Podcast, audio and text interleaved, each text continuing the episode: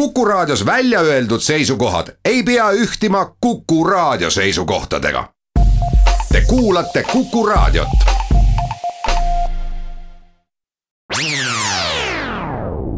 Restart.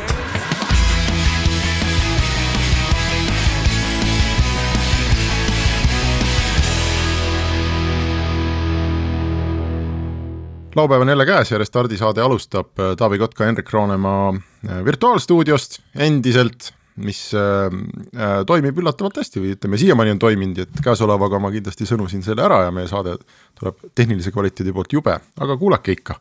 meie tänase saate teema on tegelikult väga põnev, me räägime, me räägime, katsume vaadata sisse Hiina ja hiinlaste mm, sellisesse siseellu ja küsida, et mida nad üldse õigupoolest siis nagu tahavad kui Eestist ja maailmast, kuidas ja kas me peaksime nendega asju ajama, kas Eesti firmadel on, on võimalust ja põhjust Hiinas midagi teha ja mida seejuures tuleb arvestada, aga ma arvan, et mõned muud teemad võib-olla mahuvad ka meie saatesse ja ja meil on külaline, keda ma arvan, võiks nimetada kui Aasia eksperti või võib-olla Hiina eksperti, külaline on Liisi Karindi, tere Liisi! alustame sellest, laseme sulle ennast tutvustada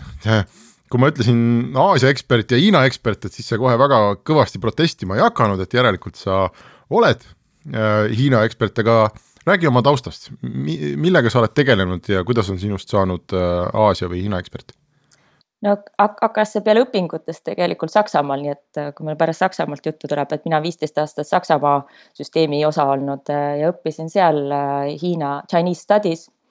mis viis mind siis ka Taiwanile ja Pekingisse ülikoolidesse, Tsinghua ülikooli just Pekingis, mis on väga tuntud. ja jah, ja hiljem muidugi sinna tööle, nii et äh, selles suhtes Hiinaga ma olen kõige rohkem tegelenud, aga kuna mu töö oli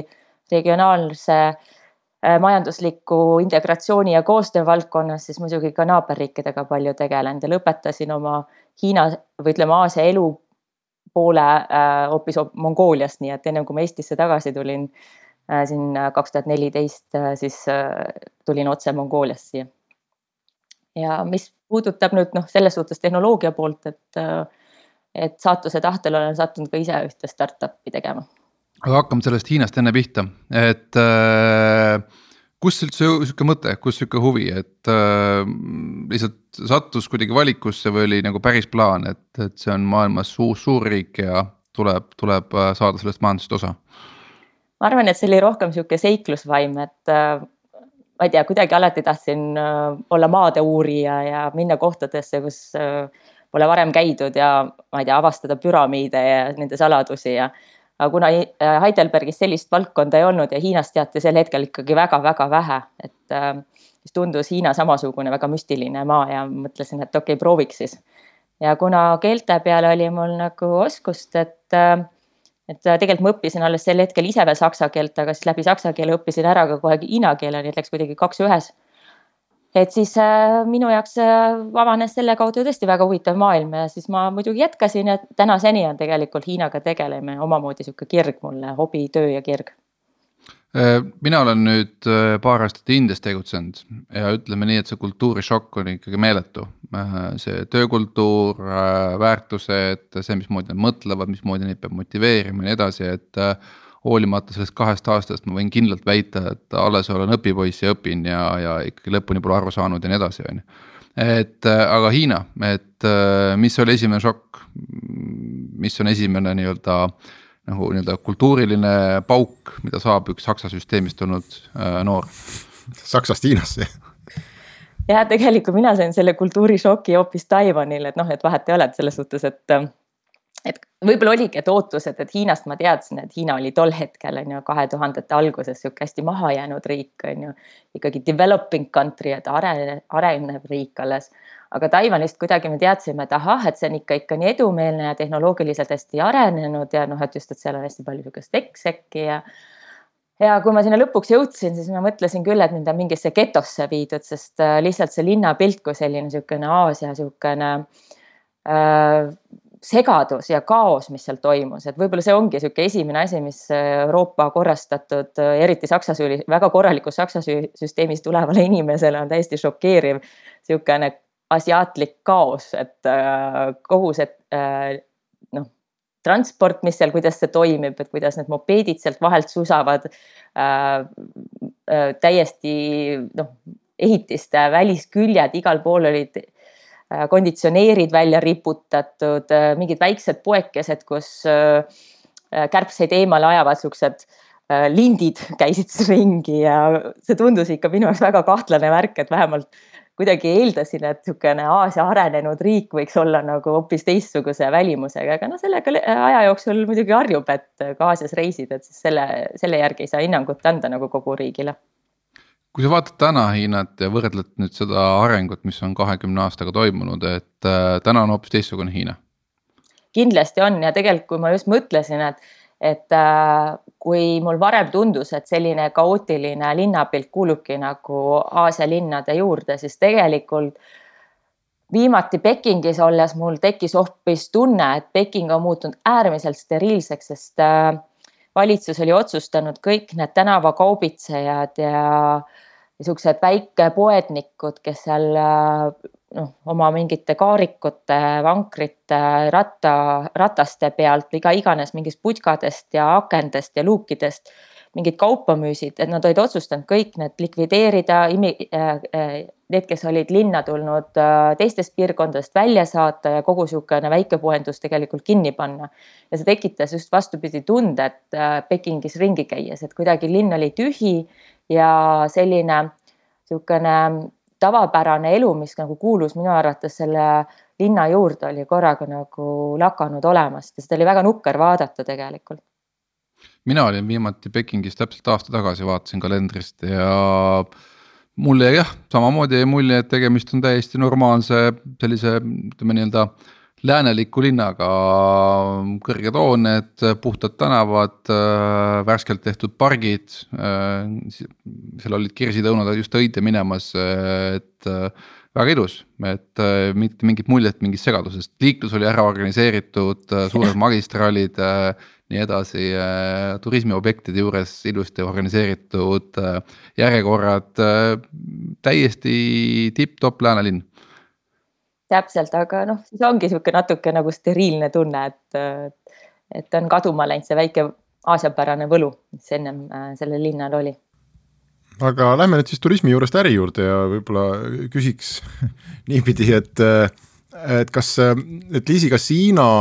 on selline jõud nagu täna või, või ma ei tea, kohe-kohe homme maailmas nagu see pilt on, mida, mida ütleme, mitte Hiina ekspert meediast saab, et kohe tuleb mürinal kõik kõige suuremad, vingemad asjad, hiinlased muutuvad maailma liidriks, kese nihkub sinna ja, ja tehnoloogia areng ja no et kõik, kõik, kõik nagu ongi kohe varsti Hiinast, kas see pilt on, on kuidagi liiga paksude värvidega või, või, või see on nii? no siin alust on, tegelikult Hiina on eh, väga tõsiselt võtnud, just kui me räägime tehnoloogilist poolt, tehnoloogia arengut nagu endale fookusesse. Ja ega siis põhjuseta ei ole USA alustanud kaubandussõda Hiinaga, selle kaubandussõja võib-olla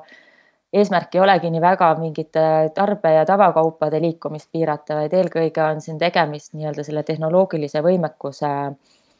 äh, jah, ütleme niimoodi, et teie siis Ameerika poolt, et nemad ei soovi, et nende tehnoloogiline võimekus kuidagi paljastuks või liiguks Hiina suunas ja samas äh, nad äh, kardavad äh, ka, et Hiina tehnoloogiline võimekus levib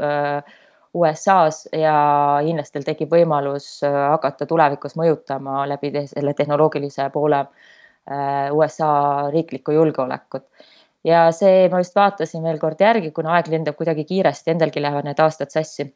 et just kaks tuhat kaheksateist, äh, äh, kui Hiina kuulutaski, äh, oli usinalt tegelemas oma Made in China programmiga, mis keskendub siseriiklikule, ütleme, et Hiina, Hiina enda oma tehnoloogilise innovatsiooni arendamisesse, arendamisele. et siis USA ju alustaski tegelikult sellist kampaaniat ka, mis ei ole piirdunud ainult USA sisese noh, sisese poliitikaga, vaid see on ju ähm, näidanud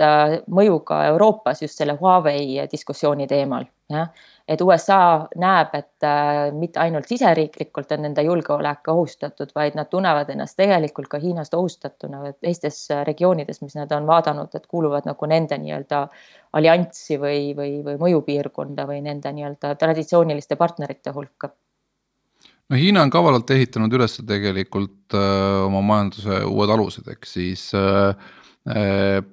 Nad alustasid sellest, et äh, tegid odavat allhanget läbi nii-öelda tehnoloogia arengu ja, ja, ja ka iseenda arendamise ja, ja hariduskvaliteedi tõusu ja ka muude teemade. Nad on tõesti täna jõudnud olukorda, kus äh, väga paljudes valdkondades nad on äh, selgelt maailma liidrid, et noh, ma ei tea, võtame kasvõi mingi maismaa kiirühenduste transpordi näite, kus USA-l ei ole mitte midagi vastu panna sellele, mis täna Hiinas toimub või üldse, kui me räägime suurest infrastruktuurist, siis noh, nii kiiresti kui hiinlased ehitavad. noh, kaks haiglat äh, Covidi jaoks äh, nädalaga on ju, et, et, et sellist võimekust ei ole ikkagi maailmas mitte kellelgi teisel ja noh, nüüd ongi nagu küsimus, et mis edasi saab, et, et kas see tehnoloogiline võimekus ja see eelis, et nad suudavad äh, oluliselt nagu odavamalt toota suuri koguseid et äh, kas see nüüd ikkagi läheb niimoodi edasi, et nad hakkavad seda positsiooni järjest rohkem ära kasutama. või siis tänu Covidile ja sellele, et kokkuvõttes ikkagi Hiina manipuleerib nende noh, kaubandussuhetega eh,. hakkab see kõik kogunema, noh, ühesõnaga me hakkame jälle kõik Hiinast ära kolima, et mis sinu nägemus siin on, et kas, kas nad hakkavad tehased tagasi tulema Ameerikasse, Skandinaaviasse, Euroopasse. või, äh, või ikkagi nii-öelda, kuidas ma ütlen oleme igavest ajast igavesti, igavesti nii-öelda kinnitunud sinna odava plastiku külge noh jah, nagu ikka elus on, et mustvalgelt päris vastata või vaadata neid asju ei saa, aga võib-olla üks huvitav fakt selles suhtes, et ennem Covidit juba äh, tänu sellele Ameerika nii-öelda kaubandussõjale Hiinaga suutsid, äh, suutis Ameerika tõepoolest osa tootmisest äh, tagasi tuua Ameerikasse, et seda ei ole võib-olla palju räägitud, aga just siin on välja toodud, et Ameerika noh, import Hiina poole pealt, mida nad tavaliselt impordisid Hiina poolt, on nagu tunduvalt vähenenud. see tähendab seda, et ka päris palju sellest äh, ja nüüd vaadati just ka seda, et ega ei ole see liikunud kuskile teistesse Kagu-Aasia riikidesse, et äh, võrreldi ka seda, et palju sama sarnast äh, toodet tuleks siis kuskilt mujalt Kagu-Aasiast ja tuvastati, et tegelikult Ameerika on suutnud ikkagi mingi osa sellest tootmisest nagu sise si, oma riiki tagasi tuua aga Euroopa? et äh, selles suhtes Covid muidugi iseenesest andis äh, hea hoiatuse tööstusele ka, on ju. et mida on võimalik äh, siseriiklikult toota või ütleme, et oma piirkonnas toota või oma turgude lähedal toota, et seda võiks nagu kaaluda ettevõtluse poole pealt noh, vanasti räägiti alati, et äh, kui, kui Hiina riskist räägitakse, räägiti alati Hiina pluss üks strateegiast, et just, et ah, et kui Hiinaga midagi juhtub, et tuleb valida veel mingi teine tootmiskoht. tihti oli selleks siis Vietnam, Laos, Kambodža või mida iganes Kagu-Aasias. Äh, noh, Covid muidugi näitas ka selle ära, et Hiina pluss üks strateegiast rääkida, kui tekib globaal, globaalne pandeemia, on tegelikult nagu väga naiivne, et isegi see ei ole lahendus, et äh, kui vaadata ka riikliku julgeoleku perspektiivist seda küsimust, siis tegelikult äh, paljud ju nüüd räägivad, et see tootmine, see võimekus peab tulema tagasi päris äh, riikidesse. noh, et vähem või vähemalt regiooni nagu Euroopasse on ju Euroopa Liitu. et Euroopa Liit vaatamata esialgsele reaktsioonile, kus iga riik nagu võitles iseenda eest, on hakanud uuesti ikkagi üksteist aitama et siin. ja, aga ma mäletan, mul tuli meelde just, kui oli pikk arutelu, et kas Apple peaks USA-sse mingit tootmist tagasi viima, et et siis minu meelest see jutt lõppes enam-vähem seal, kui tuli Tim Cook ja teatas, et, et vaadake, et meil on siin selline probleem, et siin arvutitesse on vaja teatud sorti kruvisid ja meil ei ole USA-s know-how'd ega tehnoloogiat ega noh, mitte mingit kogemust, et noh, näiteks ühte seda pisikest juppigi sinna toota, et et need ahelad on nii äh, noh, välja timmitud tänapäeval, on ju. et, et noh, et mida see üldse tähendab, kui me ütleme, et toome mingi asja tootmise noh, Euroopasse või, või toome ta USA-sse või toome ta Eestisse, et keerukamate toodete puhul need, need, need skeemid või need ahelad on ju ülipikad. jah, ja noh, ei tasu ka ära unustada, et üks asi on võib-olla seda, et kruvi pärast, kas nüüd just ainuüksi ühe kruvi pärast peaks Hiina jääma, aga kui sa kujutad ette, kui suur turg on Hiina ise, et äh, ja Hiina riik on ju omalt poolt äh, olnud väga restriktiivsete poliitikate arendaja ja rakendaja, äh, mis äh, tegelikult annab või jätabki ettevõtetele, välisettevõtetele valiku, et kas te toodate siin meie regulatiivses keskkonnas, allute meie reeglitele, olete sunnitud tegema joint venture eid transfeerima know-how'd ja tehnoloogiat või te ei saa siia turule. Et see on nagu selles suhtes siuksed mõnikord siuksed karmid valikud noh, muidugi ettevõtted, tehnoloogiaettevõtted on proovinud arendada igasuguseid strateegiaid, et kuidas siis transfeerida seda osa oma know-how'st tehnoloogiast, mis ütleme, et ei ole neile elutähtis, on ju. või vähemalt, et mil-, noh, need nagu paberil näitavad, et nad teevad seda, aga tegelikult ei tee, on ju. Aga mõndades juh-, mõndadel juhtudel ei olegi neil valikut, et nad peavad näiteks ka tegema sada protsenti Hiina ettevõte, kus nendel kontroll täielikult puudub. Kusjuures samasugune protektsionism on Indias, et äh, see läheb kuidagi nagu mingite rahvuslike põhimõtete juurtasandile, kus äh, noh, näiteks a la suured telekomi ettevõtted ütlevad Apple'ile, et me müüme sinu tooteid juhul, kui need telefonid on toodetud Indias et me ei noh, muidu ei võtagi üldse müüki, et, et müü kus tahad oma Apple'it, on ju. et, et selles mõttes äh, ja, või ma ei tea, noh tehakse mingeid tingimusi, mis juhul näiteks Amazon saab müüa suurel turul ja mis tingimustel ei saa, on ju, et, et. et sellist nii-öelda äh, natsionalistlikku või rahvuslikku protektsionismi on ikkagi nagu suurtes kogustes. aga lähme siit oma esimesele pausile ja, ja kohe varsti tagasi. Restart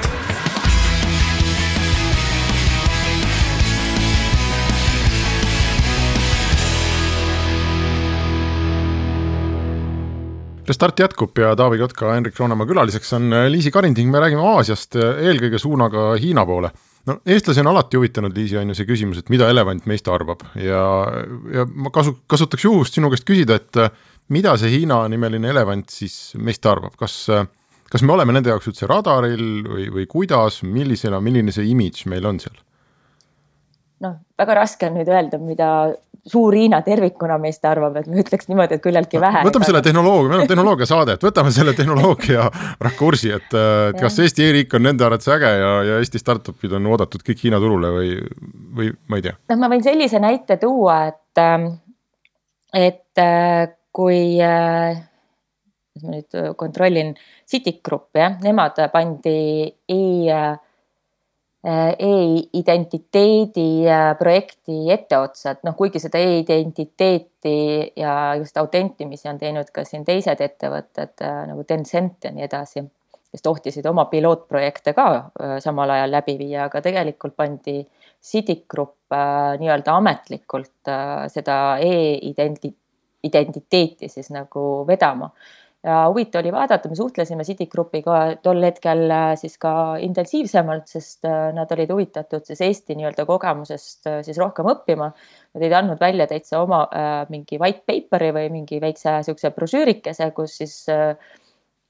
oli väga-väga põhjalikult Eesti, Eesti äh, lahendust siis uuritud. et kuidas, kuidas meie süsteem siis toimib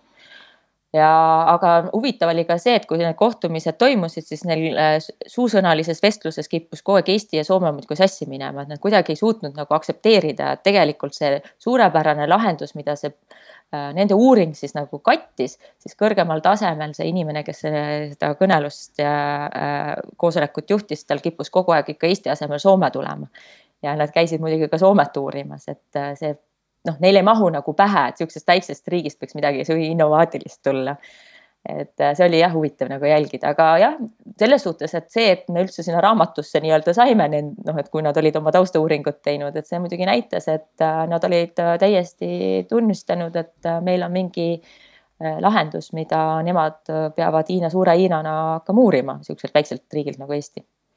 aga selles mõttes olgem ausad, sellises mahus äh, ühiskonnas digiallkirja ja autentimisi jätkuvalt äh, teebki ainult Eesti, kui ma vaatan protsentuaalselt nagu ühiskonda. aga küsime hoopis teistpidi, et äh, mina ütlen ausalt, et minul on Hiinaga mega halvad kogemused.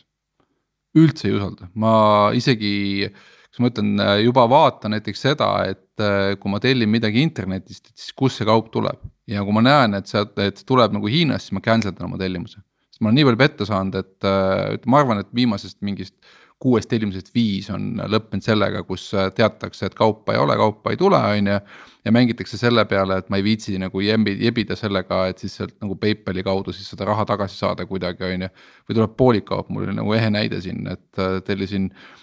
vahva LED-ekraaniga koolikoti lapsele on ju, tuli kott, ekraani ei tule, on ju, et ehk siis nagu äh, äh,. kott, mis maksab võib-olla paar eurot ja see ekraan, mis noh, tegelikult kogu selle väärtuse nagu omab, on ju, see on kaasa panemata. ja nüüd ma siis PayPali kaudu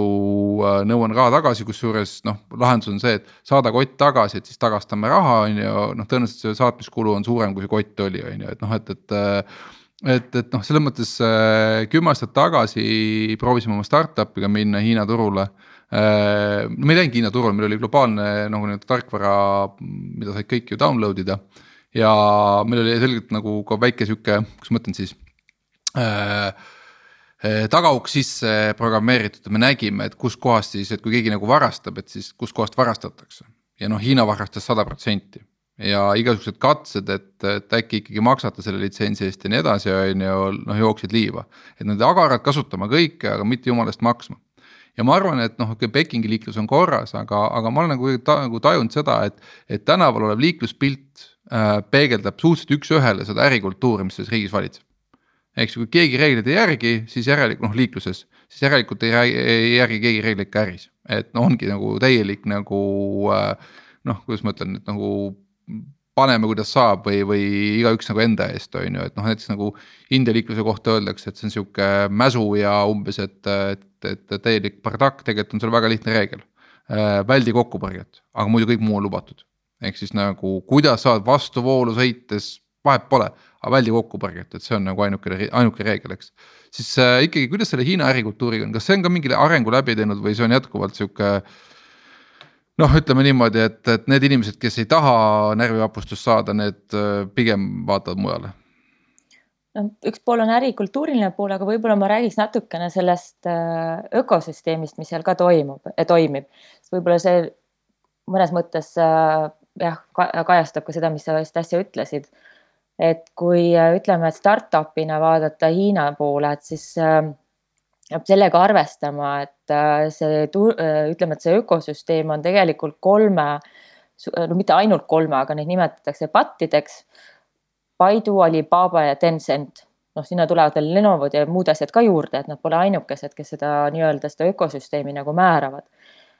ja kogu see ökosüsteem on põhimõtteliselt äh, nende poolt kontrollitud. Nad on nii oma toodetega turul on ju oma nende platvormidega nad on suuremad investorid kogu nendesse äh, startup idesse. Äh, ja ka nemad on need, ma just olen ka noh, tähele pannud, et kui sa oled startup Hiinas, siis sa väga kiivalt hoiad oma lahendusi kõigepealt nii-öelda nende radarilt väljas, sest nii kui nad avastavad, mida sa seal teed ja see neile meeldib, siis neil on palju rohkem raha ja võimekust seesama asi ära teha sinu asemel. ja nii see, ja nii see ongi et äh, startup'id, kes proovivad kuidagigi ellu jääda või mingissegi suurusesse nii-öelda scale ida, kiivalt hoiavad ennast nende radarite alt väljas. ja kui ma vaatasin, et Alibaba saatis ükskord väga toreda kutse oma mingissesse accelerator'isse äh, et just siuksed noored ja kellel on huvitavad ideed ja innovaatiline mõtlemine. siis ma lugesin seda äh, neid tingimusi ja selgus, et jah, et tore, et sa võid sinna minna nendega brainstorm ima ja kaasa tegema ja arendama, aga pärast äh, sa ei tohi äh, selles valdkonnas mitte midagi teha, põhimõtteliselt sa jätad kõik selle töö äh, neile. nii et see on ikka väga karm keskkond, kus ei tasu üldse naiivselt sinna sisse hüpata, et võib-olla noh, siin on olemas ka väga häid äh, seda ökosüsteemi seletavaid äh, uuringuid. Neid tasub kindlasti ennem lugeda ja aru saada, et kes need mängurid seal on, kuidas see turg või kuidas see keskkond seal on ära jaotatud. noh, samas täpselt, mis on need võimalused, kui sa oled nõus minema nagu nende alluvusse, siis jah, nad investeerivad ka aga noh, samas sa riskid sellega, et sul tõmmaks lihtsalt nii nahk üle kõrvade, et võid suu puhtaks ja tuled koju tagasi tühjade kätega. kas,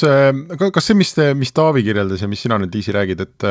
et kas see tähendab, et Eestis ütleme sellist tarkvaralise või äh, ütleme, kopeeritava tootega siit mõelda, et ma lähen Hiina turule, kas, kas selle mõtte peaks nagu maha matma, et et noh, Eestist, ma toon lihtsalt näite, et Hiina turul tegutseb ja toimetab Vjatšeslav Leedo, kellel on äh, seal puitmajade tehas, eks ole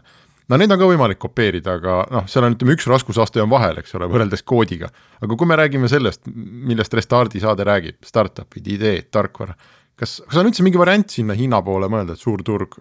või, või ei peaks sellele mõtlema? noh, see on nii raske niimoodi üldistada, et ma lihtsalt arvan, et, äh, et väljakutsena Hiina on ikkagi noh, see võib kaela murda ma arvan, et äh, kui, kui valida teisi turge, siis äh, Hiina, Hiina võiks jätta ikkagi hilisemaks.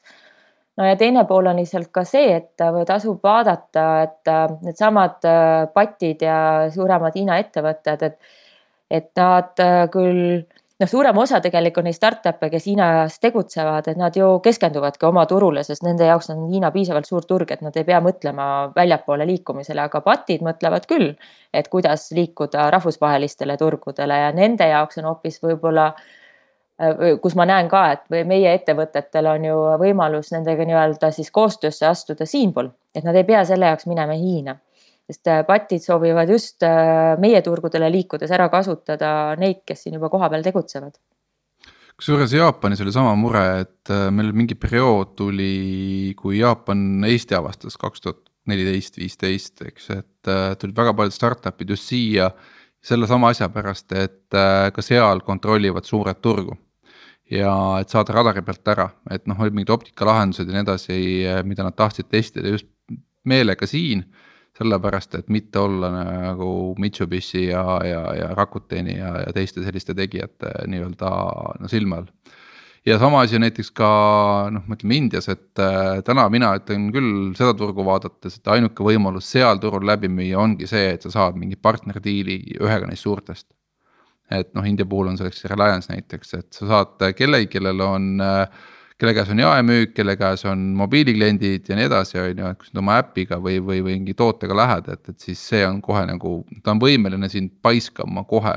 noh, sinna miljardilise turu peale, et sa ei alusta nagu siin Eestis, et noh, müün kümnele ja siis võib-olla kahekümnele ja, ja kolmekümnele ja nii edasi, et, et äh, ja aga, aga teistpidi jälle tundub ikkagi see, et, et see mõtteviis nagu mingil hetkel USA-s tekkis, et ei ole mõtet nagu nendelt andekatelt inimestelt nagu ideid varastada, et sellisena nad ei tule enam su juurde, et palju parem on neile lihtsalt raha anda. ja koos nendega kasvada nii-öelda maailma suurimateks, noh a la needsamad meie Uberid ja muud startup'i näited on ju, et, et see mõtteviis tegelikult ikkagi Aasiasse veel kohale ei ole jõudnud või kuidas sina näed seda? ütleme niimoodi, et ma tooks ühe asja välja, et isegi muidugi Hiina valitsuse poolt on ju startup äh, toetus äh, olnud väga suur, et selles noh, just, et kui siin on viimaste aastate jooksul räägitud, et kus on kõige siuksed top startup äh, kogukonnad ja stseenid, siis on ju Peking ja Shanghai kohe top kümnes olnud. ja seda ka mitte ainult tänu sellele, et needsamad patid sinna investeerivad, vaid ka Hiina valitsus on loonud nii-öelda government guidance fund'id just selle jaoks, et neil oleks nii äh, siseriiklik innovatsioon, jah, indigenous innovation, nagu nad seda nimetavad. ja noh, vaatamata kõigele Hiinas on mingi kakssada seitsekümmend äh, pluss äh, unicorn'i äh,. muidugi üks nendest, Lookin Coffee on praeguselt äh, suurema kriitika all, selgub, et nad nii unicorn ei olnudki, kui nad väitsid, et nad on, et võib-olla tasub alati natukene ka seda niimoodi ettevaatlikult jälgida. Aga jah, et neil, et iseenesest Hiinas oli väga-väga niisugune vibrant startup äh, community ja siin on ju. Äh, et ja seda ka valitsuse toel ja kõik, aga noh, just küsimus ongi see, et, äh, et kui vähe riskantne oleks väljaspoolt tulijale sinna siseneda, sest jälle, et see on ju vibrant ainult seetõttu, et Hiina on aru saanud, et jah selleks, et nad saaksid olla maailma liider ja maailma liidri staatust nad ei saa ju mitte ainult nad ei saa militaarse jõu kaudu, nad saavad selle läbi äh, majanduse, nad saavad selle läbi tehnoloogilise võimekuse. Ja seetõttu muidugi nad on meeletult hakanud investeerima ja panustama igasugustesse lahendustesse, mis lubab seda innovatsiooni neil nii-öelda äh, kätte tuua, kaasa arvatud startup'id. Ähm,. Hiina on pannud fookuse siin eelkõige niisuguste noh, ütleme, probleemide lahendamisvaldkondadesse nagu green tech on ju, sest neil on meeletu keskkonnareostus, õhureostus ja nii edasi ja kindlasti sihukestesse valdkondades, kus nad näevad oma majanduskasvu mudelit nagu seotuna nagu see new retail, just seesama, et kõik see e-kaubandus ja, ja sellega kaasnevad logistika ja supply chain management. aga samuti ka äh, sellistesse uutesse tehnoloogiatesse nagu artificial intelligence, tehisintellekt, mida nad näevad rohkem isegi kui äh, relva, kui äh, lihtsalt tehnoloogilist lahendust aga kokkuvõttes nad on ikkagi oma fookusega peamiselt äh, siseturu peale, sellepärast et äh, no üks asi, mis mulle Pekingis silma jäi aasta tagasi, oli see, et erinevalt Indiast äh, inglise keelt ikkagi keegi ei räägi. et kui sul inglise keeles nagu äh, Indias saad äh, noh, kõik ärikeskkonnad, kõik äriinimesed äh,, vähegi nii-öelda võimekad äh, tegijad ükskõik mis valdkonnas räägivad väga head inglise keelt siis Hiinas sul on noh, noh mis ma mõtlen, isegi turistina on sul raskusi toidu tellimisega on ju, et noh, et, et rääkimata. noh, mingite suurte äride noh, ütleme jah, tipud, tipud inglise keelt räägivad, aga, aga ütleme nii, et ta väga levinud ei ole, mis tähendab seda, et seda motivatsiooni. Inglise keele ära õppida, sellepärast et see võib sulle mingi uusi uksi avada, seda motivatsiooni ei ole, sest sa kokkuvõttes suudad suurema raha teenida omaenda turu pealt nii ta on, et võib-olla kak-, noh, ma ei oskagi nüüd eesti keeles neid jälle õieti tõlkida, aga et sihukest kaks märksõna, et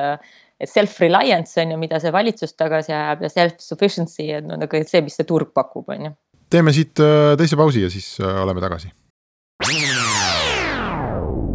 Restart.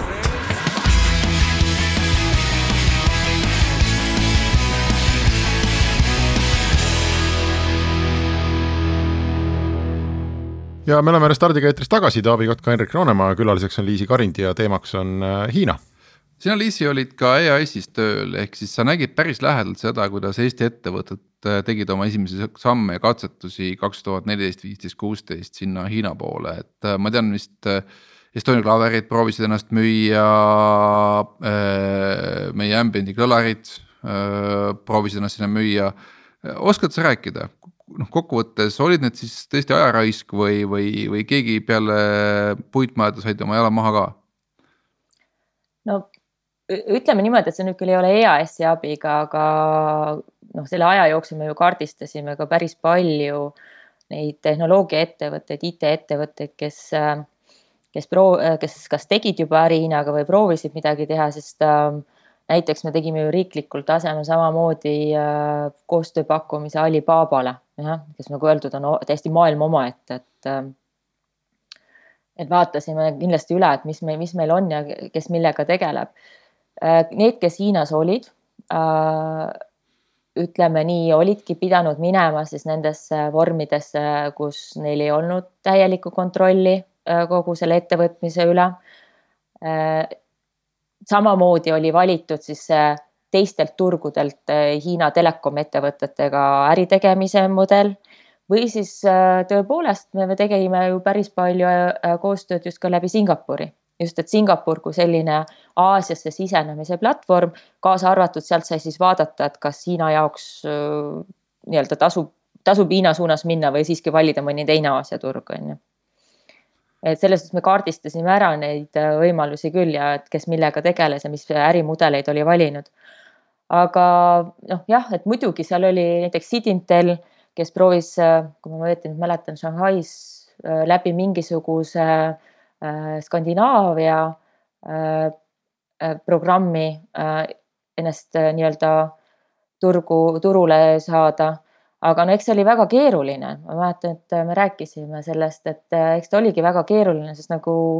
arvata võib, hiinlased on ise ka igasuguste lahenduste leiutamisel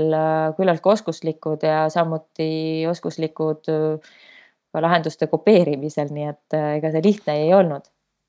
no me vaatame. lihtsam oli täpselt rääkida Eesti puhtast keskkonnast tuleva toidu ja söögi ja, ja kõige selle eksportimisest, kui ütleme, tehnoloogilise võimekuse eksportimisest sinna. mis aga huvitav on see, et kui me nüüd natuke tehnoloogiast võib-olla eemale liigume, aga mida, mida me täheldasime samuti muudes valdkondades, kaasa arvatud see majade ehitus on ju. et see ei pea ilmtingimata olema toode ise, mida sa sinna ekspordid, et äh, samamoodi saab seal seda know-how'd müüa aga selles mõttes äh, praegu tänaseks vaatame, siis jah, toiduainetööstus ongi vist äh, meil kõige edukam olnud äh, sinna eksportimisel üldse. et muuhulgas noh, kui nüüd lennukid lendama hakkavad, siis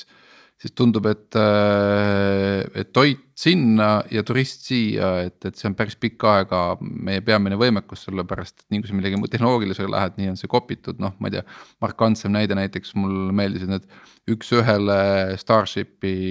robotid on ju, et äh, mis järsku ilmusid Hiinas välja, on ju, et. Äh, ärme unusta ära Cleveroni pakiautomaat jah et või mis sa ütled, et, et, et ikkagi kokkuvõte sellest plokiks on see, et, et äh, kellegi kaudu või ära üldse toppi nina sinna? no ütlen niimoodi, et sellega peab tõesti väga ettevaatlik olema ja noh, võib-olla see Cleveroni näide on hea näide ja Cleveron pole ju ainukene, kes sellise äh, õnnetu case'iga on pidanud tegelema, et samamoodi ju see juhtus Estonia klaveriga palju varasemalt, et ilma, et nad isegi oleks mõelnud ise kuhugi Hiina turule liikuda, aga tänu sellele, et nad ju käivad rahvusvahelistel messidel ja näitavad oma tooteid ja nende patendid on ju Patendiameti äh, äh, andmebaasides ju kõik üleval, on nad ei, ja nad ei ole ennast ju kuidagi Hiina, Hiinas äh, kaitsnud ja isegi mõelnud selle turu peale, siis muidugi võib see hästi kiiresti juhtuda, et kuskil äh, oma toodet esitledes rahvusvahelisel messil ennem kui märkad, järgmine uudis ongi, et ah, te toodate nüüd Hiinas ka või et äh, nii, et Hiina eest ei olda kaitstud ka siis mitte tegelikult, kui sinna nii-öelda seda turgu vältida, et sellest peab olema väga teadlik, et äh, paljudel ettevõtetel, kellel on mingisugune uuem innovaatiline lähenemine, nad ju keelavad tegelikult messidel äh, lihtsalt suvalistel külastajatel üldse oma nii-öelda toode, toodet äh, vaatama tulla ja mitte mingil juhul ei mingeid telefone, mitte midagi, kui sa sinna kinnisesse ruumi siis sisse saad, kus siis tegelikult näidatakse, et mis neil on ja et see spionaaž ettevõtluse valdkonnas on üks Hiina tugevamaid külgi ka olnud, nii et. Äh, kas üldse patent kaitseb seal riigis? või on riik ja kohtusüsteem alati nii-öelda varga poole peal? seda Vabandust, ei saa väita, noh ütleme niimoodi, et see on hästi suur diskussioon olnud, et ka kui ma nüüd Hiina lähen, et kas ma peaksin oma äh, kaubamärki kaitsma, kas ma peaksin oma, oma äh, tehnoloogiat ja innovatsiooni kuidagi patenteerima. Iseenesest äh, ütleks üldiselt, et jah peaks, sest neil on need süsteemid täitsa olemas ja jah, neil on kohtusüsteem, mis ei ole otseselt selline, et nüüd pro, pro Hiina ettevõte, et see kohtusüsteem on täitsa rahvusvaheliselt äh, tunnustatud kui õiglane süsteem. et selles suhtes äh, jah ähm, noh, iseküsimus on see, et kas ettevõtetel, kes sinna lähevad kui me räägime veel startup idest, kas neil oleks üldse niisugust võimekust hakata seal Hiinas kohut käima, see on juba teine küsimus kuidas me peaksime vaatama seda, et hiinlased siin Eestis püüavad toimetada, noh siin äsja tuli uudis, et Huawei annetas Eestis kliinikumile isikukaitsevahendeid. Ehm, et tundub, et mingi selline siblimine ikkagi käib, et mida, mingit noh, mingit sellist Hiina presence'it või, või muljet või mainet nad proovivad ju siin üles ehitada. Või noh, võtame näiteks selle kuulsa tunneli projekti, eks ole, et ka asi, mis on ju väga Hiinaga seotud ja, ja tekitab väga erinevaid tundeid inimestes mm. -hmm noh, selle kohta me oleme siin äh, Kesk- ja Ida-Euroopa ekspertidega teinud terve uuringu, mis just äsja ilmus ka. et äh, räägime siis kõigepealt Huawei äh, maski või ütleme, isikukaitsevahendite annetusest, see on suurem äh, suurem äh, globaalne maskidiplomaatia, mis, mis selle, mis tegelikult sellele kontekstina annab, et seoses muidugi Hiina sellise probleemiga, et nad on nüüd süüdist-, neid süüdistatakse selle koroonaviiruse globaalseks pandeemiaks kujunemises, siis nad proovivad nagu oma imidžit nii välisriiklikult kui siseriiklikult äh, parandada läbi selle, et nad siis tegelevad sellise abi pakkumisega teistele riikidele, väga huvitav. või siis keelavad üldse või siis üldse keelavad kriitika ära, ehk siis, mis on ka nagu tõestatud tänaseks no, juba. see tsensuurist me võime täitsa omaette saate teha, ma ja. arvan, et aga et äh, jah, huvitav oli lihtsalt seda jälgida, et äh, samas kui nad nüüd väga edukalt proovivad ära kasutada oma seda maskidiplomaatiat äh, nii-öelda oma imidži ja kuvandi ka, ka just, et meie tuleme aitame, nad tegid seda finantskriisi ajal ju ka, meie tuleme, aitame maailma, et meie oleme need maailma liidrid, kes siin aitavad teisi, samas kui USA jätab Euroopa üksi, on ju. et, et seda nad proovivad muidugi väga edukalt praegu lihtsalt ära kasutada noh, kes seda, ütleme, et sellest võib ka läbi näha, on ju, et kehitada õlgu, öelda, et nojah, et proovivad, noh, on niisugune policy lihtsalt ja diplomaatia neil. et ei tasu võib-olla liiga nagu end, noh, liiga siukseid emotsioone selle pealt nagu üles kütta. teine pool on muidugi see, et noh, Huawei kui ettevõte on muidugi niikuinii sattunud väga raskesse olukorda. ja noh, Eestis ju ka me allkirjastasime USA-ga äh, kokkuleppe, et me ei kaasa neid 5G arendamisesse, noh, mitte nüüd sõnasõnaliselt niimoodi, aga põhimõtteliselt on see sõnastus olemas. ja seda proovib muidugi Huawei siin kuidagi nüüd äh, muuta kusjuures äh, ma arvan, et Ericssoni ellujäämine ja areng äh, on paljuski tänu sellele, et äh, oli vaja mingit, mingitki alternatiivi sellele samale Huawei'le, sest noh, spetsialistid vaatavad siis täna ikkagi Huawei tooted ja teenused on oma sisult, võimekuselt peajagu üle sellest, mida tegelikult Ericsson pakub, on ju, et küsimus lihtsalt ongi see, et kas ja kui palju on kuskil mingeid tagauksi on ju või kelle jaoks need tagauksed siis avanevad, eks, aga. jah, ja noh, seal oli ju tegelikult ka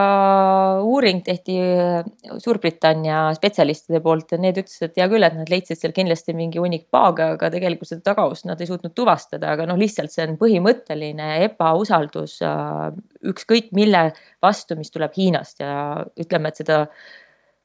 millel on potentsiaalne riiklikku julgeolekut ohustada tulevikus no mõtlengi, et selles mõttes see, et äh, meid kuulab pealt lääne operaator, seda me näeme kui head asja ja see, et meid kuulab peale Ida-Euroopa operaator, idaoperaator, see meile, see meile ei meeldi. aga. läänepoolset me oleme aktsepteerinud. ja, aga tunneliprojekt, sina kui Hiina ekspert, äh, saate lõpetuseks, äh, sina võtaksid hiinlaste raha ja ehitaksid tunneli valmis? no tegelikult Eh, siin on ju see Hiina rahaga on see seos olnud hoopis, et eh, kuna see tunneli projekt ei ole kõige kasumlikum, eh, vaatamata erinevatele uuringutele, mis siin on tehtud, siis Hiina valitsus on hoopis oma ettevõtteid hoiatanud selle projekti eest, et et nii mustvalgelt jälle seda ka ei saa vaadata, et Hiina ikkagi vaatamata kõigele, et nad on olnud äh, räägime sellest, et nad tahavad siin laenulõkse tekitada ja ostavad kõik asjad kokku. praeguse seisuga Hiina valitsus vaatab väga täpselt, mis rahad välja lähevad. Hiina pangad vaatavad väga täpselt, kellele nad mis laenusid annavad, kas see, kas nad saavad selle raha tagasi. see päris nii ei käi, et äh, ükskõik mis hinnaga, ükskõik kuhu ollakse nõus äh, raha puistama selleks, et saada poliitilist äh, mingit mõjutushooba endale kätte, et. et see, selles suhtes ma oleks natukene kriitiline ka nende väljaütlemiste kohta aga kui nad oleksid nõus seda finantseerima, noh, ütleme praegu meil on siin poliitika olnud, et, et Venemaa ja Hiina raha nagu vastu võtta Euroopa Liidu riigid ei tohiks nii väga avatult, eks, et. et juhul, kui nad oleksid nõus, siis sina ei näeks probleemi, et nad ehitavad selle ma ei ütleks seda selles suhtes, et ma arvan jälle, et oleneb, peab vaatama, et kust see rahastus tuleb ja mis tingimustega noh, mida ju väga palju räägitakse, et ahah, et kui Hiina annab raha, siis ta annab seda laenuna. see tähendab seda, et äh, seesama raha tegelikult suunatakse tagasi Hiina ettevõtte töösse seega põhimõtteliselt jääb sellele riigile ainult äh, laenukohustus. noh, Eesti Euroopa Liidu liikmesriigina arvatavasti sellist äh, diili ei pea tegema, sest me saame Euroopa Liidust tasuta raha ja kui Vesterbaka projektile peaks tulema Euroopa Liidust või Eesti valitsuselt mingisugune rahastus juurde, siis noh, meil ei ole mõtet teha sellist diili hiinlastega et meie maksame Ilmselt. Eh, põhimõtteliselt eh, sellesama rahaga, mida nad meile annavad, nende ettevõtted kinni. aga sellega meie Hiina saade on läbi, Hendrik. sellega meie saade läbi jah, aitäh eh, Liisile, aitäh kõigile kuulajatele. nagu öeldud, siis Hiina on natuke nagu võib-olla nagu Venemaa paljude mitte-eestlaste jaoks, võib-olla ka eestlaste jaoks, et õudselt ahvatleb ja, ja suur ja, ja huvitav ja eksootiline ja no kui, kui saaks sinna, kui saaks sinna jala ukse vahele aga tuleb minna ettevaatlikult. ühesõnaga, aitäh kõigile ja kohtume jälle nädala aja pärast. Restart